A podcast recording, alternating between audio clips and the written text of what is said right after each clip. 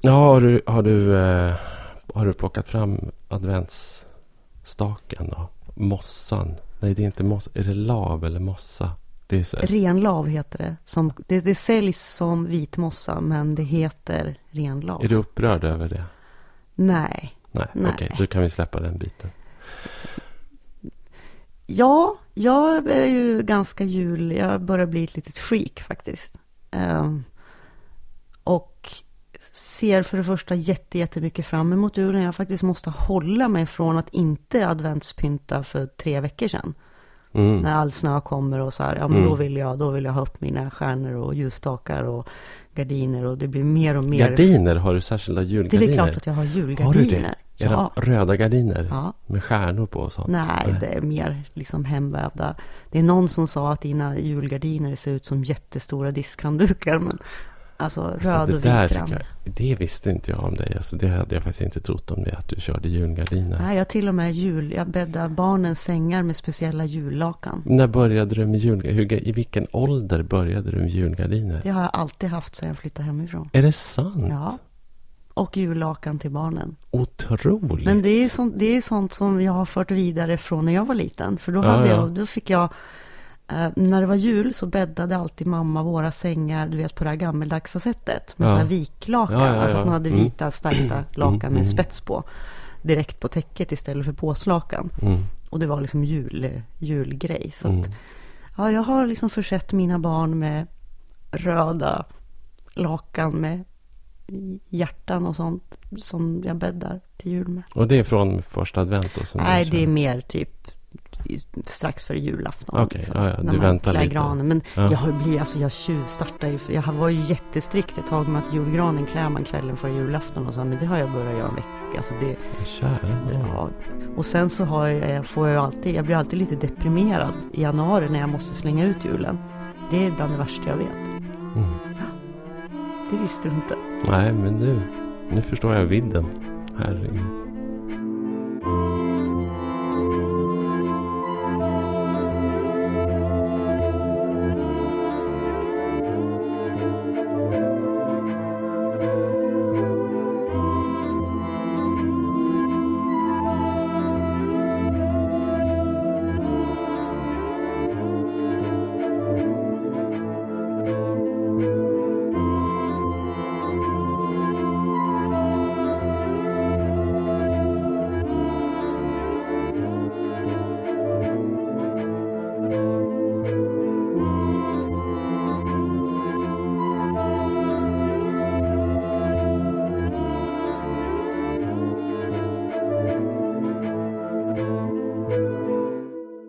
Välkomna till eh, Norrlandspodden. Eh, denna första advent. Och eh, hej Sofia. Hej Bo. Hej. Norrlandspodden görs av Teg Publishing med stöd från er lyssnare. Man kan stötta Norrlandspodden genom att gå in på patreon.com Norrlandspodden. Folk har börjat bli lite oroliga över vår produktivitet. För det Ja men precis, jag känner som att vi kanske skulle lugna för det är några stycken som så här, oj ni kommer så ofta nu och jag blir helt ruinerad om det ska dras vad det nu är För det från funkar mitt ju- konto varje vecka. För det funkar ju så, Patreon funkar ju så att man går in och så bestämmer man hur mycket man vill stötta varje avsnitt med. Mm. Och sen så dras det en summa, den summa som man har bestämt dras varje gång det kommer ut ett avsnitt. Och kommer inget avsnitt så dras det ingen summa. Och, eh, och det är klart att, men men det är ju inte så att vi spottar ur oss avsnitt nu bara för att vi är giriga och vill ha pengarna.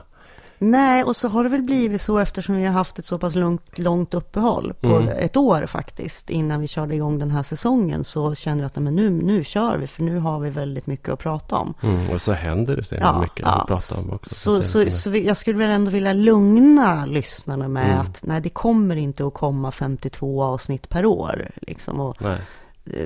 Eh, det kan bli Och mindre dessutom, frekvent. ja, och Mm. dessutom kan man ju lägga sig på en låg nivå då. Om man vill stötta på Ja, om man är så väldigt kan man ju, orolig så, så kan, man ju stötta med ja. en tia om man, Mm. om man känner för det. Liksom. En dollar är väl det minsta man kan Ja. stötta. Och vi är väldigt tacksamma för varje dollar. Så att, Mm. ja. Det är konstigt att det är dollar. Apropå Mm. världsläget. Eh, En, en, en grej som, eh, som alltid händer så här års är ju att det eh, snöar. Mm.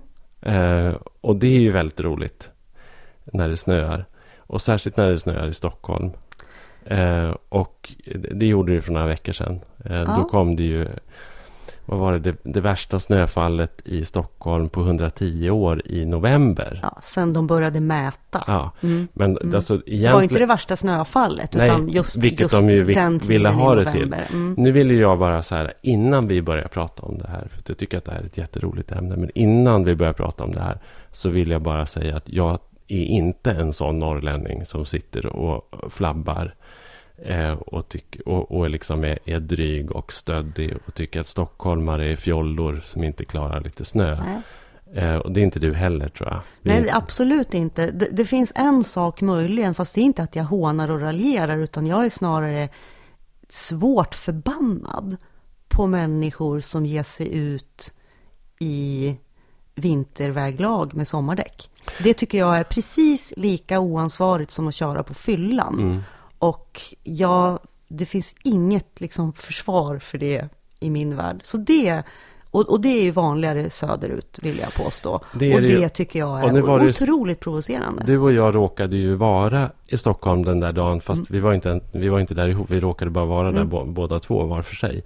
Eh, och det var ju en väldigt rolig dag. Eh, det, det, alltså, det var en helt fantastisk, alltså, eller fantastisk, det var en ganska, det, på ett sätt var det en skitdag. Eh, delvis På- på, på- grund av vädret, men, men ja, det var ju men- dessutom dagen efter USA-valet. ja Så- precis, så man vaknar liksom- på morgonen till, till Trump, Ja, ja, och, och, och, och typ fyra decimeter snö på gatorna och inga plogbilar. För det var ju någonting, alltså det var någonting som var uppenbart den dagen. Och jag skulle runt och göra lite ärenden. Jag skulle till riksdagen till exempel. Och, och, och liksom Drottninggatan och Västerlånggatan var bara, det var bara en stig. Det var som en stig i mitten av, Mm. av gatan. Och, eh, och, det, och alla bilar körde fast. Jag tror att jag knuffade loss, var med och knuffade loss fyra Men du bilar såg på bilar i vägen. varje fall, därför att jag skulle ju då ta mig till, eh, från Centralen Mm. till Radiohuset som ligger vid Ute ja, vid Gärdet. ja. Östermalm, Mm. precis, eh, och skulle gå från Karlaplan. Och längs hela Karlavägen, jag såg inte en bil. Det var helt, var helt tyst och så var det så här människor som kämpade sig fram Mm. i, i snöstormen. Jag kom fram och var liksom en timme för sen till en debattpanel jag skulle vara med jag såg ut som en snögubbe när jag kom in. Och, men alltså sånt tycker jag ändå är jag tycker det är lite mysigt. Jag Och gillar- man gillar och jag ju gillar ju också, ja, men precis, jag gillar ju extremväder. Mm. Ehm, Men ändå, alltså man Mm. kan ju då konstatera att, att okej, det här var ju ett, egentligen ett ganska förväntat snöfall. Det var bara att det kom tidigare på året än, än vad man hade kunnat föreställa sig kanske. Men just det här att det inte var, alltså så här, snöröjningen fungerar inte. snöröjningen fungerade inte, stockholmarna blev fullkomligt tagna på sängen. De åkte ut i, sto, i stora skaror, tiotusentals bilister som åkte hemifrån med sommardäck eh, och fastnade överallt och proppade igen trafiken överallt.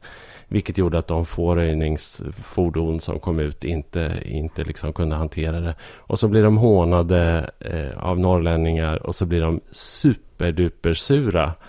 Eh, alltså till och med så här eh, vänstermänniskor på Facebook eh, som, som liksom som, eh, som man skulle kunna tänka sig inte eh, skulle bli kränkta för en sån sak. Sitter ändå och blir kränkta. Och sen så kom hela den här bisarra skendebatten om att det här var den feministiska snöröjningens fel. Ja, fast det inte ens var någon feministisk snöröjning. För det första, alltså, ska vi prata Det- lite om feministisk snöröjning? Ja. För att det är ju i grunden En, en, ganska grej. bra sak. Ja, Ja. men precis. Och det handlar ju helt enkelt om att anpassa snöröjningen efter att det är fler människor som går och cyklar och använder cykelbanor. Men att de som åker kollektivt, använder cykelbanor, går, är i högre utsträckning kvinnor. Ja, precis. Och det är Eh, därför man kallar det för feministisk ja. snöröjning. Men att när männen, entreprenörerna, entreprenadföretagen har fått bestämma själva hur snöröjningen ska gå till och i vilken ordning så har de i högre grad traditionellt eh, liksom plogat till, till sin, sin svågers eh, liksom, eh, däckfirma. Ja. Eh, Sen, sen vill jag bara också lägga in här att just i Stockholm den här eh, onsdagen i början Mm. på november så, så den snöröjning som ändå faktiskt gjordes var ju då inte feministisk. Nej. Därför att eh, även om man har liksom tagit beslut om att den ska vara det så i i krissituationer, vilket det här väl får räknas som, då är det ju säkerheten först. Och då är det alltså säkerheten för att utryckningsfordon ska mm. kunna ta sig fram på vägarna och sådär. Mm. Som, vilket inte heller funkade så himla bra. Nej det, nej, det funkade ju inte så bra. Um, och, och, och det här, alltså här tycker jag också att man kan skilja på att håna stockholmare som individer. För att jag tycker att de är riktiga kämpar. Jag vet inte hur många jag såg som cykla i det här mm. jävla väl. Alltså det är ju mm. väldigt mm. få. Cykelbud. Det är, ja, men och det är väldigt få, skulle jag då säga, norrlänningar som ger sig ut och cyklar i snöstorm. Nej. I Norrland tar man undan cykeln mm. när det blir vinter. Men i Stockholm så kämpar de på på sina cyklar och sådär.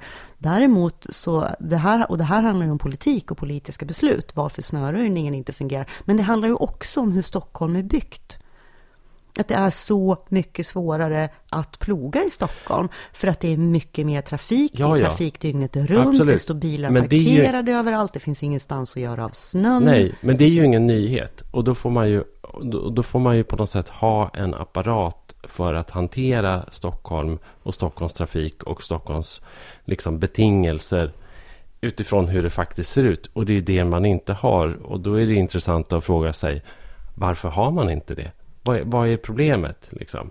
Jo, det är ju att man har gått ifrån att ha en, liksom en, en kommunal, eh, kommunal snöröjning med en överkapacitet och människor som satt och fikade lite för mycket. Och väntade på och, snön. Och väntade på snön. Till att nu liksom lägga ut det på entreprenad, göra upphandlingar, ge det till den lägsta budgivaren som har den sämsta kapaciteten Eh, och sen så får man vad man betalar för. Och då blir det på det här sättet. Fast, det är inte, där, fast där har du ju lite fel. Därför att det handlar ju inte, problemet är ju egentligen inte att man har lagt ut det på entreprenad. Utan att man från kommunens sida också har snålat in på det. Alltså att entreprenad, då har man ju avtal där man inte har beredskap så här mm. tidigt i november. Avtalen gäller helt enkelt inte fast med de flesta entreprenörer. Ja. Ja, nej, fast alltså jag, tror, jag, jag, tror inte att det inte fullt ut i varje fall. Att du, alltså avtalen du skriver med entreprenörer entreprenörerna har ju olika omfattning beroende på vilken tid du är på året. Då. Mm. Läste du den där? Så det, och, det, men, och det här gäller ju också, ska vi säga, det här gäller ju inte bara i Stockholm. Det här gäller, finns ju även Norrlands kommuner som har ja, ja. fått mycket sämre snöröjning på grund av Så detta. Det men sen, ja, Isobel Hadley-Kamp skrev ju en jätteintressant mm. artikel om det här. Eh, om hur man då tidigare hade men daglöner, alltså kommunerna mm. ägde en massa plogbilar. Eh, och så hade man daglönare som kom. Oj, nu har det snöat. Nu går vi och får jobba en dag. Mm. Um, och så jobbade de en dag och sen gick de och köpte sprit då. Um, mm. Typ enligt, enligt den här artikeln. jag tror att det var ja, precis. Ja. Det, det, var väl inte bara så. Och sen så ansågs ju det då vara eh, oetiskt och så. Alltså dåliga arbetsvillkor mm. och så kan vi inte ha det. Men då har man ju inte råd du har inte råd att betala full lön till människor som inte jobbar i två månader för att det kommer Nej, men det snö. kan jag fatta också. Men man kanske måste betala lite mer. Jag, jag läste också och, och fnissade lite åt Viktor Bart Krons eh, liksom, genomgång av det här med feministisk snöröjning. Och sen så tog han olika ismer. Eh, såg du den? Nihilistisk snöröjning. Nej. Men han glömde ju faktiskt bort eh, marknadsliberal snöröjning, vilket ju är det man har då. Eh, och det är ju det man får... Alltså, tänker jag. Att det liksom, alltså man, man har gått ifrån en socialistisk snöröjning där man, där man då kanske så här, ja men visst. Det var slösar ganska mycket på slösa, pengarna. Slösa, mm. på skatt, slösa på skattemedel till en marknadsliberal snöröjning där, där, där liksom eh, där man inte slösar på skattemedel men där det faktiskt inte blir snöröjt heller. Ja, men, men, men det, det, finns ju en till ingrediens i det här och jag känner att för alla som då inte har läst här eller följt den här debatten så tycker jag det är ganska bra upplysning ändå att i, i Norrland och även på landsbygden söderut så är det fler människor som äger traktorer. Ja. Och om det fanns massa människor i Stockholm som ägde traktorer så skulle inte det här heller vara ett så stort problem. Därför att då kan man i ett fall av ett väldigt ovanligt eller väldigt tidigt plötsligt snöfall så kan man ändå ganska snabbt få privatpersoner eller sådär som har en traktor att delta i och hjälpa till med snöröjning mm. och även få betalt för det. Men finns det inga människor som har en traktor det finns helt enkelt inte utrustning. Nej. Och då är frågan om, om det kanske var bättre att kommunen äger Lite traktorer. lite traktorer, mm. eh, men att folk kan- får komma in tillfälligt och jobba. Liksom. ja. Jag, Jo, jag- men för så funkar det ju verkligen på landsbygden. Att folk har traktorer. Och, Mm. när, och när det skiter sig så då, då finns det ju ändå liksom en kapacitet. Och i eh, små byar hos- så är det ju ofta någon som tar på sig också att ploga grannarnas... Så är det ju här i min by Mm. så är det min granne Åke som, som åker runt och plogar. Han eh, räknar sina timmar och sen så betalar vi honom i vägföreningen. Varje, Mm. varje vår så kommer han med sin faktura och så betalar vi den. Eh, och, eh, Det funkar men, bra. Ja, och då är det ju också så att eh, när det snöar väldigt mycket så rycker ju andra ut också. Och jag menar då tar jag min traktor och kör ut eller mina grannar tar sina traktorer och kör ut och sen så löser vi det där ihop och så blir det bra. Liksom. Mm. Sen, Eh. sen ska vi också komma ihåg, tycker jag, eller ja, Mm.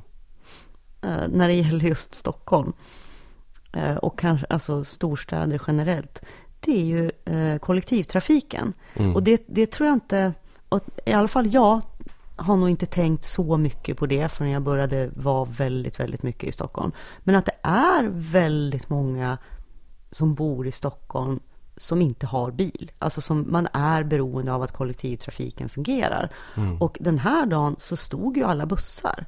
Det gick ju inte en buss och jag vet, jag skulle träffa min dotter Mm. som bor i Nacka. Men alla bussar var inställda. Hon lyckas hitta någon som skulle köra bil. Blev stående i en bilkö i Sickla i tre timmar. Mm.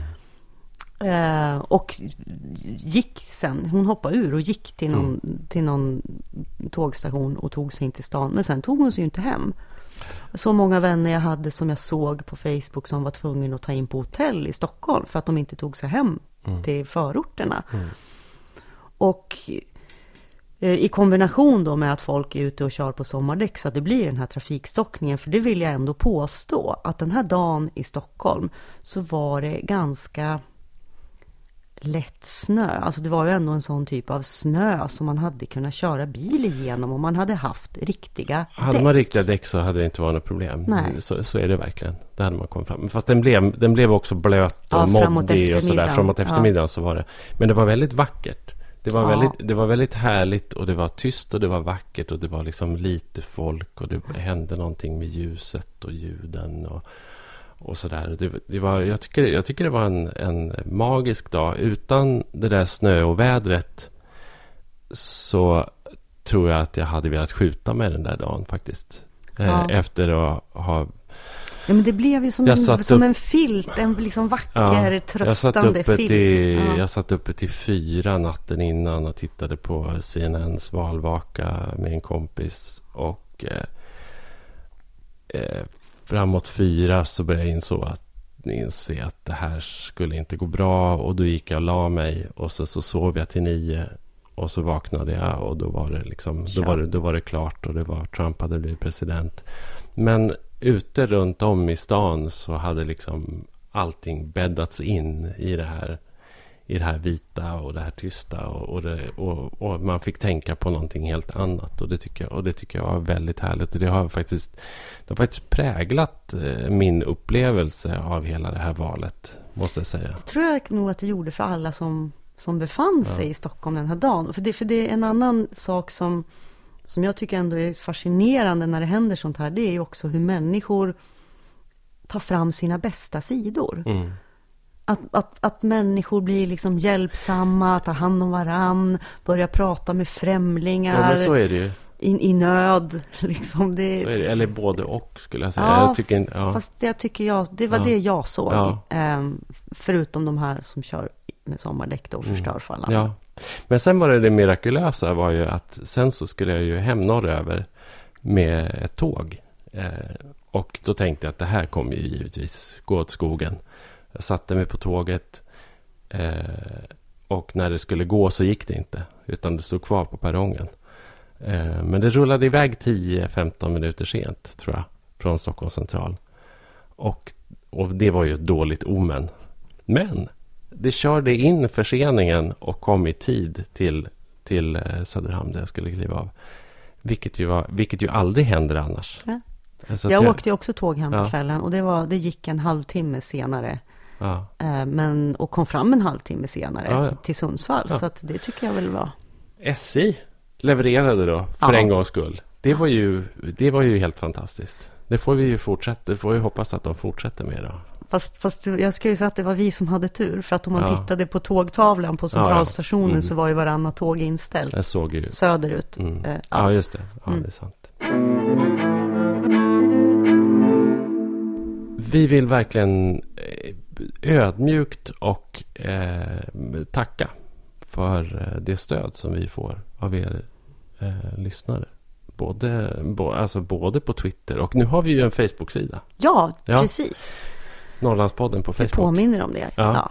Precis. Och eh, där man kan skriva saker och eh, man kan ta del av och man får tips om när det kommer nya avsnitt och, och vi postar saker i, i den mån vi har tid. Små filmer på plogbilar. Till Ja, till exempel. Och sen eh, så är vi förstås jätteglada över det stöd som vi får, eh, det ekonomiska stöd som vi får via patreon.com snedstreck Norrlandspodden.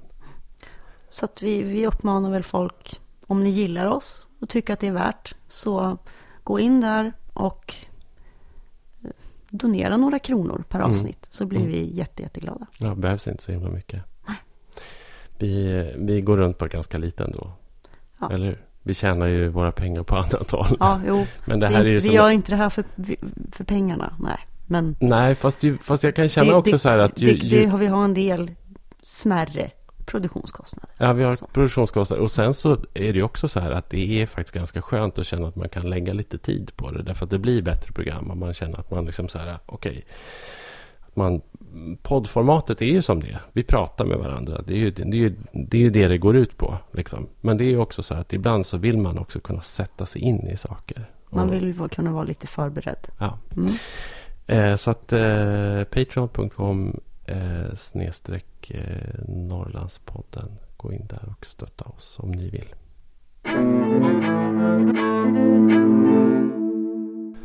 Eh, det var några veckor sedan nu som eh, den hett efterlängtade medieutredningen kom. Mm. Eh, efter ett och ett halvt år. Eh, efter ett och ett halvt års arbete. Det ska ju sägas att det är kanske lite nördigt, men den har varit väldigt hett efterlängtad hos inte minst eh, lokal, eller tidningsbranschen. Mm. Medieföretagen har ju väntat på den och kanske... Ja, i många år. Ja, precis.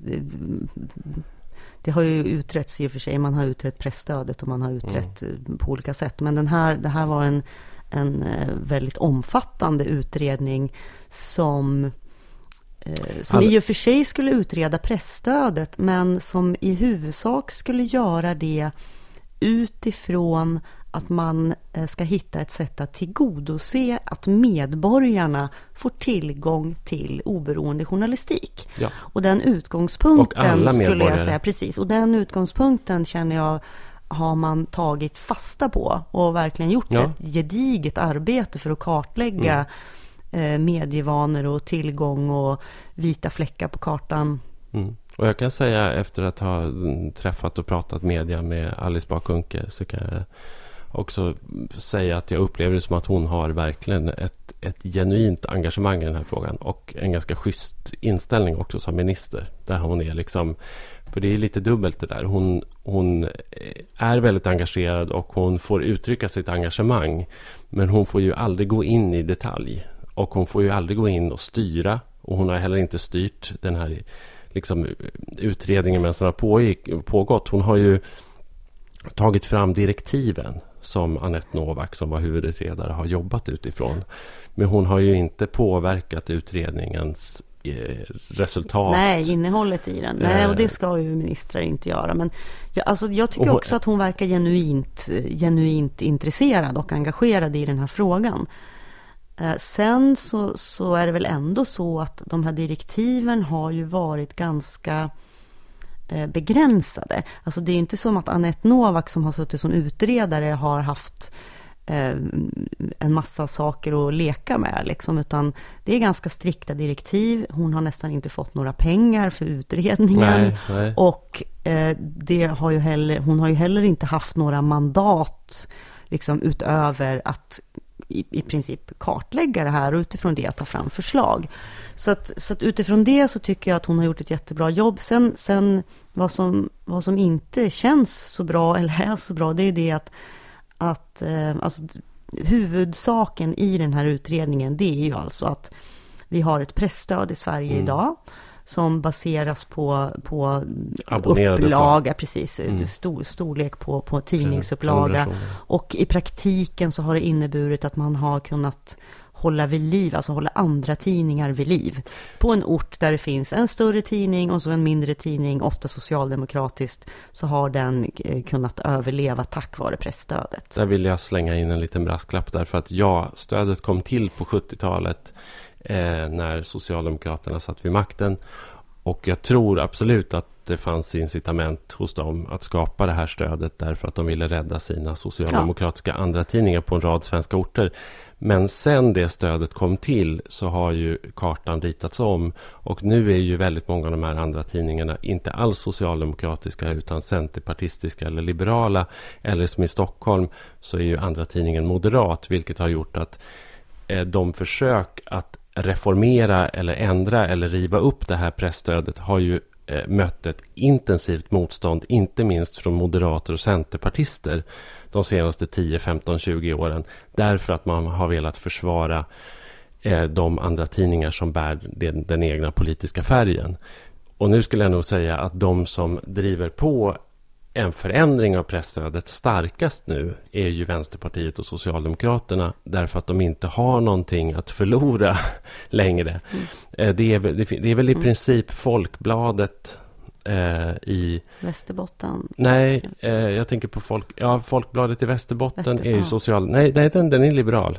Eh, den har ju en liberal ledarsida. Men Folkbladet, den som Vidar Andersson är chef, politisk ja. chefredaktör för, i Örebro. Det är andra tidningen i Örebro, va? Folkbladet. Eh, den är socialdemokratisk. Eh, men annars är det väl inte så fantastiskt många socialdemokratiska alltså, tidningar. Socialdemokrat, alltså det finns ju i... Eh det finns ju Arbet Länstidningen i Östersund. Arbetarbladet i Gävle. Eh, Dagbladet i Sundsvall la ju ner förra året, mm. köptes upp, första Sundsvalls tidning som köptes upp av Mittmedia som mm. ändå höll Dagbladet vid liv mm. i några år men la ner det i fjol. Så att, men, men det finns ju en annan aspekt på det här och det är ju att det förra pressstödet då utgick ifrån, alltså principen då handlade om att ha en mångfald i opinionsbildningen. Ja. Alltså det var väldigt politiserat på, på så sätt. Mm. Medan det här eh, nu då förslaget som har tagits fram med medieutredningen har man bytt namn. Man, det heter inte pressstöd längre utan det nya som ska komma eh, kallar man för mediestöd. Mm.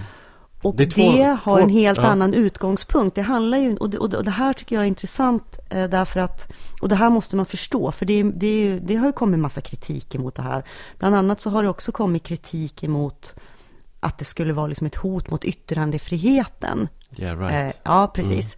Mm. Eh, eftersom det finns skrivet i den här utredningen att, att massa olika kriterier för att ha rätt mm. till det här mediestödet. Men man måste inte längre vara en tryckt tidning. Nej. Utan det kan gå till digitala medier eller ja, i princip, i så skulle vi, ja, I princip så mm. skulle mm. vi kunna söka pengar i det nya mm. systemet. Mm. Så att det är många, många fler som kommer att ha möjlighet att söka. Men sen finns det också andra krav som hur ofta man kommer ut eh, och sådana saker. Eh, och så har man lagt till att man vill att man ska följa radio och tv-lagen, alltså demokratiparagrafen i radio och tv-lagen, yes. som handlar om att man måste ha liksom en utgångspunkt i alla människors lika värde. Och det har ju då fått kritik för att det skulle vara ett problem för yttrandefriheten. Ja. Men, och det här tycker jag är jätteviktigt, jag har ju skrivit en artikel om det här också när det kom, men jag tycker det är viktigt att påminna om att ja, det förra pressstödet, det handlade om mångfald i opinionen. Och mm. det var viktigt då, förr i tiden, mm. när det verkligen bara var pengar eller folk som hade råd att, att driva tidningar som kunde delta i den offentliga debatten. Men idag så har vi, liksom, vi lever i en ekonomi där vem som helst kan tycka och nå ut till hur många, många som helst. Mm. Och det finns verkligen idag inget behov av statligt stöd för mångfald i opinionsbildning. Den mångfalden sköter sig utmärkt själv. Vad den däremot behöver är ju Och det är också det det här mediestödet ska gå till. Ett stöd till kvalificerad Precis, journalistik. kvalificerad journalistik. Och det är ja. det som ska berättiga till stöd. Ja. Att man använder journalistiska arbetsmetoder, mm. eh, följer journalistiska etiska regler. Tar och, in olika parter. Och också granskar ämnen mm. och områden som inte är granskade Nej. idag. Det ska alltså vara, om man får för sig till exempel att starta en nyhetssajt i en kommun som inte längre har någon kommunbevakning, så ligger man bra till för att få mm. stöd.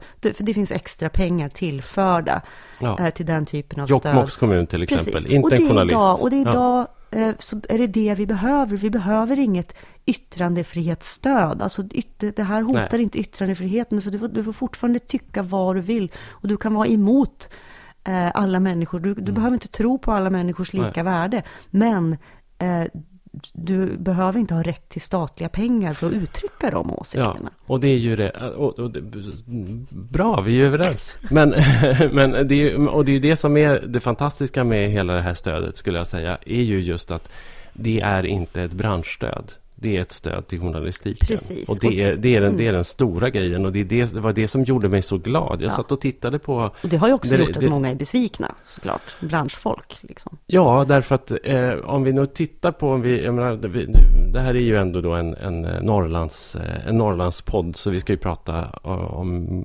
medieutredningen ur ett Norrlandsperspektiv. Och om vi tittar på det ur ett Norrlandsperspektiv så, så kan man ju tänka sig då att om det här eh, den här utredningens förslag blir skarpt och eh, går igenom utan, utan invändningar, vilket nu verkar inte... ganska osannolikt. Men, mm. men vi tänker oss ett scenario där, där så sker i alla fall. Då.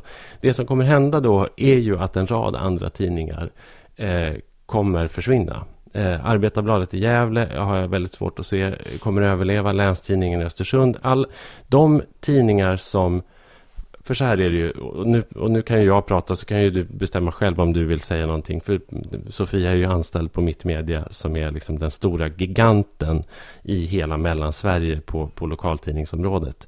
Och vad Mittmedia gör är ju att de driver eh, ett antal andra tidningar som uppbärs av pressstöd. Eh, och för detta får Mittmedia årligen ungefär 60 miljoner ur det här pressstödssystemet. Eh, och de pengarna går då till att upprätthålla livet i Arbetarbladet till exempel. Eller Länstidningen i, i Östersund. Eh, och det är klart att om Mittmedia inte längre får de pengarna gratis så att säga utan... Alltså det är ju så att Mittmedia antar jag kommer kunna söka pengar ur det här systemet lika väl som alla andra för att bedriva kvalificerad journalistik. Men de kommer inte bara på grundval av att de har en prenumererad tidning som heter Länstidningen eller Arbetarbladet bara få de här pengarna på ett bräde. Ett antal miljoner rätt in på banken som man sen kan göra vad man vill med. Det, så kommer det inte fortsätta vara. Och då, då är väl min gissning att om inte Mittmedia får motsvarande summor som de får ur, ur det nuvarande systemet så kommer de inte längre tycka att det är särskilt intressant att hålla igång de här andra tidningarna. Eh, och då kommer de försvinna. Eh, det, det, är väl en kvalificerad gissning. Eh, det vad, kanske är en kvalificerad gissning. Men, men alltså precis som du säger, jag är anställd av Mittmedia. Mm. Eh, alltså heltids, eh, tills vidare anställd. Du är ägd? Och, ja, nej, jag är inte ägd. Jag är dessutom ledarskribent och fullt fri att att uh, tycka till och även ifrågasätta. Men jag, jag menar, det här var ju bara sakligt. Ja, men det, så är det ju. Det är ju ja. andra som också äger andra tidningar som kanske inte kommer att vara lika motiverade Nej. att driva det. Men vad, vad, jag ser istället är ju det att, att och det kanske är en sån naiv förhoppning från mig, men det är ju att jag hoppas att eh, att det här nya mediestödet, för det ställer också krav på en högre andel egenproducerat material. Mm. Eh, och eh, en högre andel eh, redaktionellt material, alltså i motsats till reklam. Gratistidningar kan ha rätt att söka, men då måste de ju väldigt kraftigt minska andelen, andelen reklam ja. i sina tidningar. Men det är ju att det ska på något sätt tvinga fram antingen från, från mittmedia eller andra medieföretag eller från helt nya som kan poppa upp alltså journalistiska satsningar mm. eh, i, i delar av landet där det verkligen har skurits ner. För vi har ju eh, det, det, vet vi ju, att Norrland har ju tappat otroligt mycket, många, förutom många enskilda journalister, att också tidningar har lagts ner, så har man ju också tappat riksbevakning.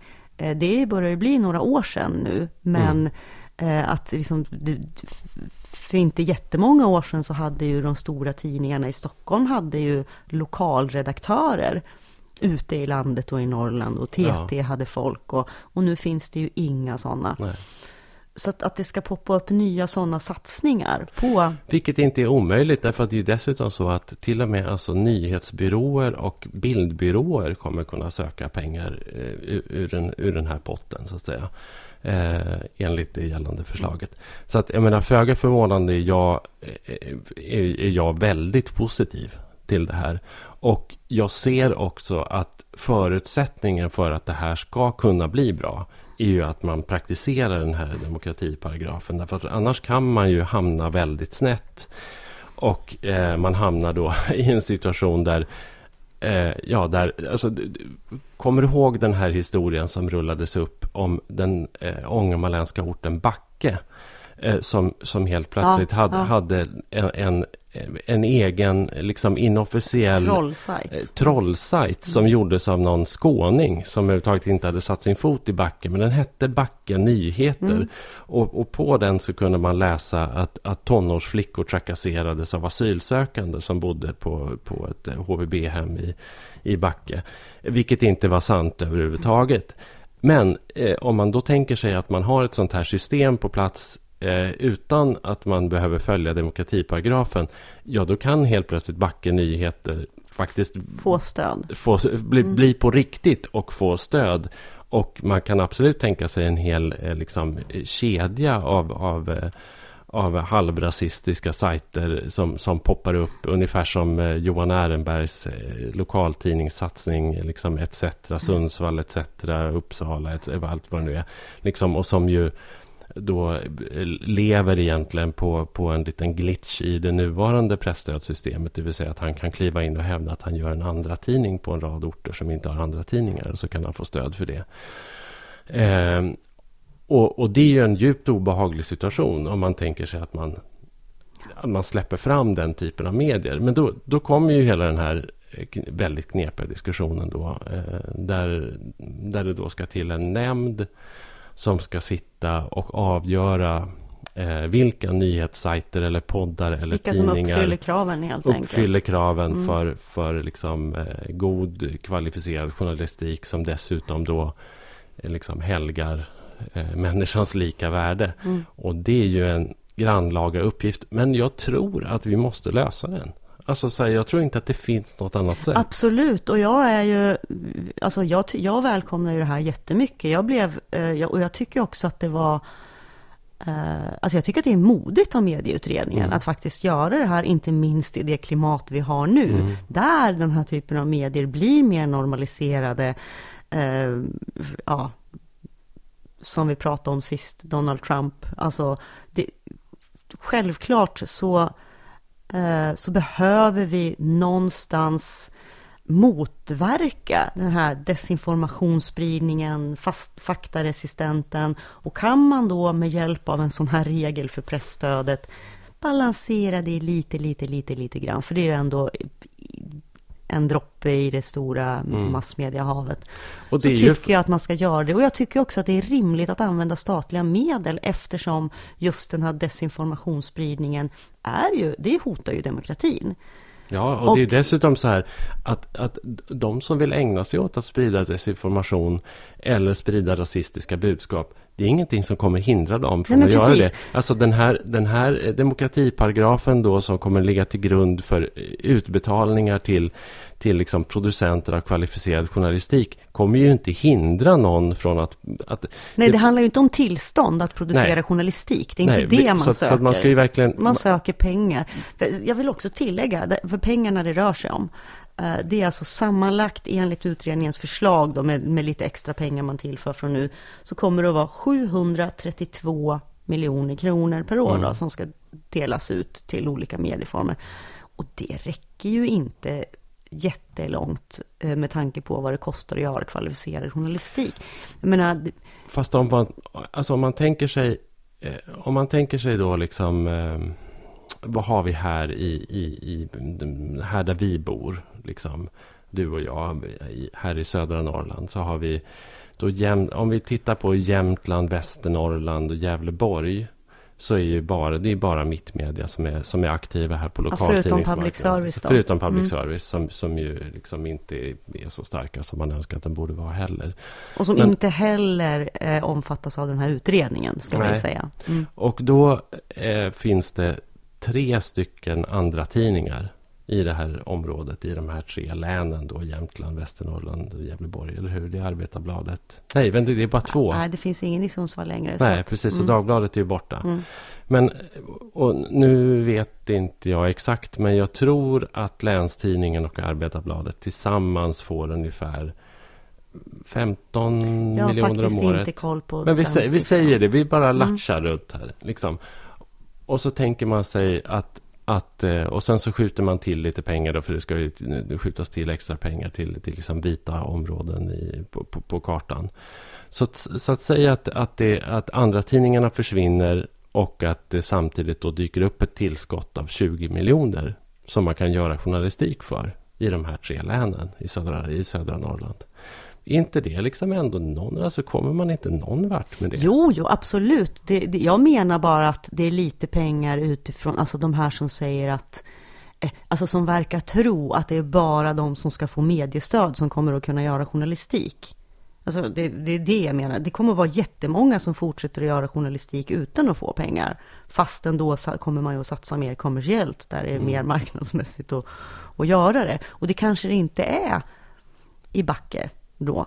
Eh, eller Nej, i Jokkmokk. men- Men, men det jag ser som, som jag hoppas, det är ju att jag tror att det finns, eller jag vet att det finns jättemånga duktiga journalister som jag, som, eftersom det här stödet också är möjligt att söka som uppstartsstöd. Om du till exempel vill starta en ny sajt, digital sajt, där du bevakar en, en, en kom- kommun eller ett område, så kommer du att kunna få stöd för det. För att börja någonting helt nytt i en idag helt blank fläck på kartan. Alltså sådana som Blank Spot Project som vi har pratat om, s- eh, kommer att kunna söka pengar för att bevaka vita fläckar i Sverige. Och där vi ju redan vet att det är kvalificerade, duktiga journalister som följer journalistiska principer när de jobbar. Och det här är ju också så, alltså titta nu på liksom Alltså återigen då kop, kopplingen till, till USA och till Trump och till liksom eh, vad som har hänt där. Och och är det någonting som har konstaterats i, i den amerikanska eftervalsdebatten så är det ju att, att de här väljarna har varit en väldigt osynlig grupp. Eh, och de har ju faktiskt också varit en osynlig grupp därför att de amerikanska lokaltidningarna i ganska stor utsträckning har försvunnit. Eh, så, så de har ju inte... Alltså det finns ju inte... Dels, dels, så, finns, dels så blir den här faktaresistensen, dels så lever folk i sina filterbubblor.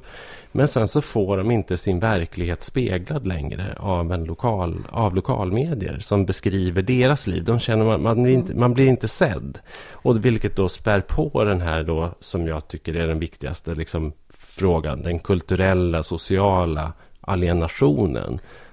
Ja, Eh. och, och sen att det också skapar det här eh, politikerföraktet. När medborgarna, och det har man också undersökt i medieutredningen, upplever att de inte får information om beslut som fattas förrän de sätts i verket. Därför att har du en kommun som inte har någon journalist som bevakar eller berättar för medborgarna att nu ligger den här motionen uppe i den här kommunen och nu ska de rösta om det här och det kan vara debatter i kommunfullmäktige. Och medborgarna känner att nej, vi visste ingenting förrän de sätter upp en skylt att nu ska vi riva skolan. Och det eh, skapar ju ett politikerförakt som också leder till missnöjesröstande och ja, att man helt enkelt inte litar på politikerna fastän problemet är ju en, en, en kommunikations eh, här.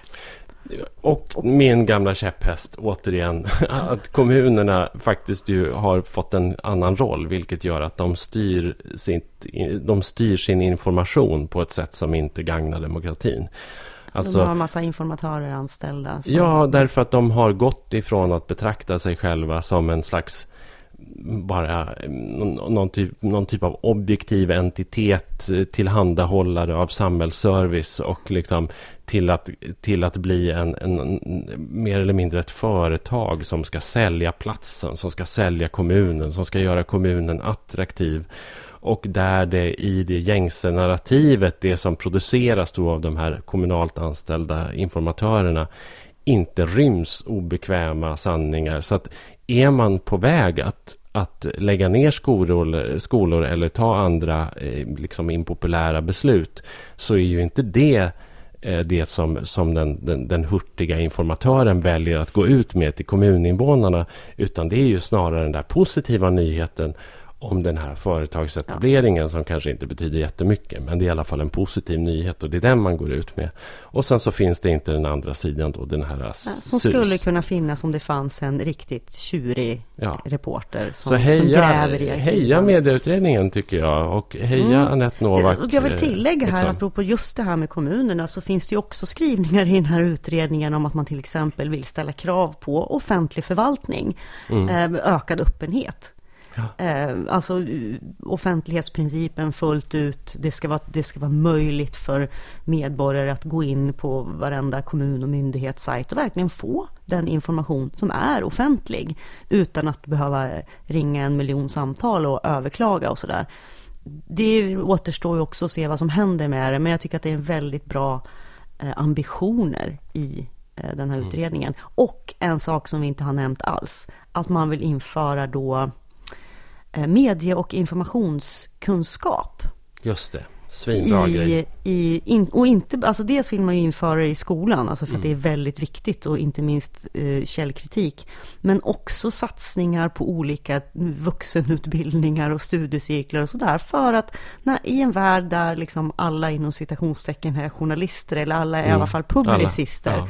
så, så är det också viktigt att veta eh, vad man gör och kanske ha, ha, lite koll på hantverket. Så det vill jag också lyfta som ja. mycket, mycket bra i den här utredningen. Och att man lär sig källkritik. Svinbra. Du hade något eh, kulturtips att sluta med, eller? Ja, vi, ja. vi, vi delar ut lite kulturtips. Och jag har en liten udda, ett udda tips ja. eh, den här veckan. Eh, det är ett Instagramkonto. Ja. Ja. Eh, för det är ju också kultur, eller kan vara kultur. Ja. Och, och eh, det här kontot då, det heter Henrik Blind. Mm.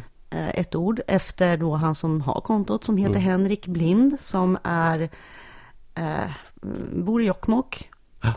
Svintrevlig kille. Han är lokalpolitiker i, ja, han är för väl, Miljöpartiet. Precis, miljöpartist i, i Jokkmokks Fast det märks inte så himla mycket Instagram-konto. Nej, men precis. Och det, där, varför jag rekommenderar det här Instagram-kontot är därför att det är eh, just som alltså, kulturskildring. Alltså det visar mm. en vardag i eh, Lappland och Norrbotten. Och det är mm. allt ifrån naturbilder till bilder på fula hus, tomma torg, översnöade bilar Mm. Eh, och väldigt klyftiga små texter till. Precis, väldigt, väldigt eh, både liksom un underhållande och eh, bildande skulle jag säga om man, om man aldrig har varit i Jokkmokk. Mm. Så att, eh, följ Henrik Blind på Instagram. Mm. Det är ett hett tips.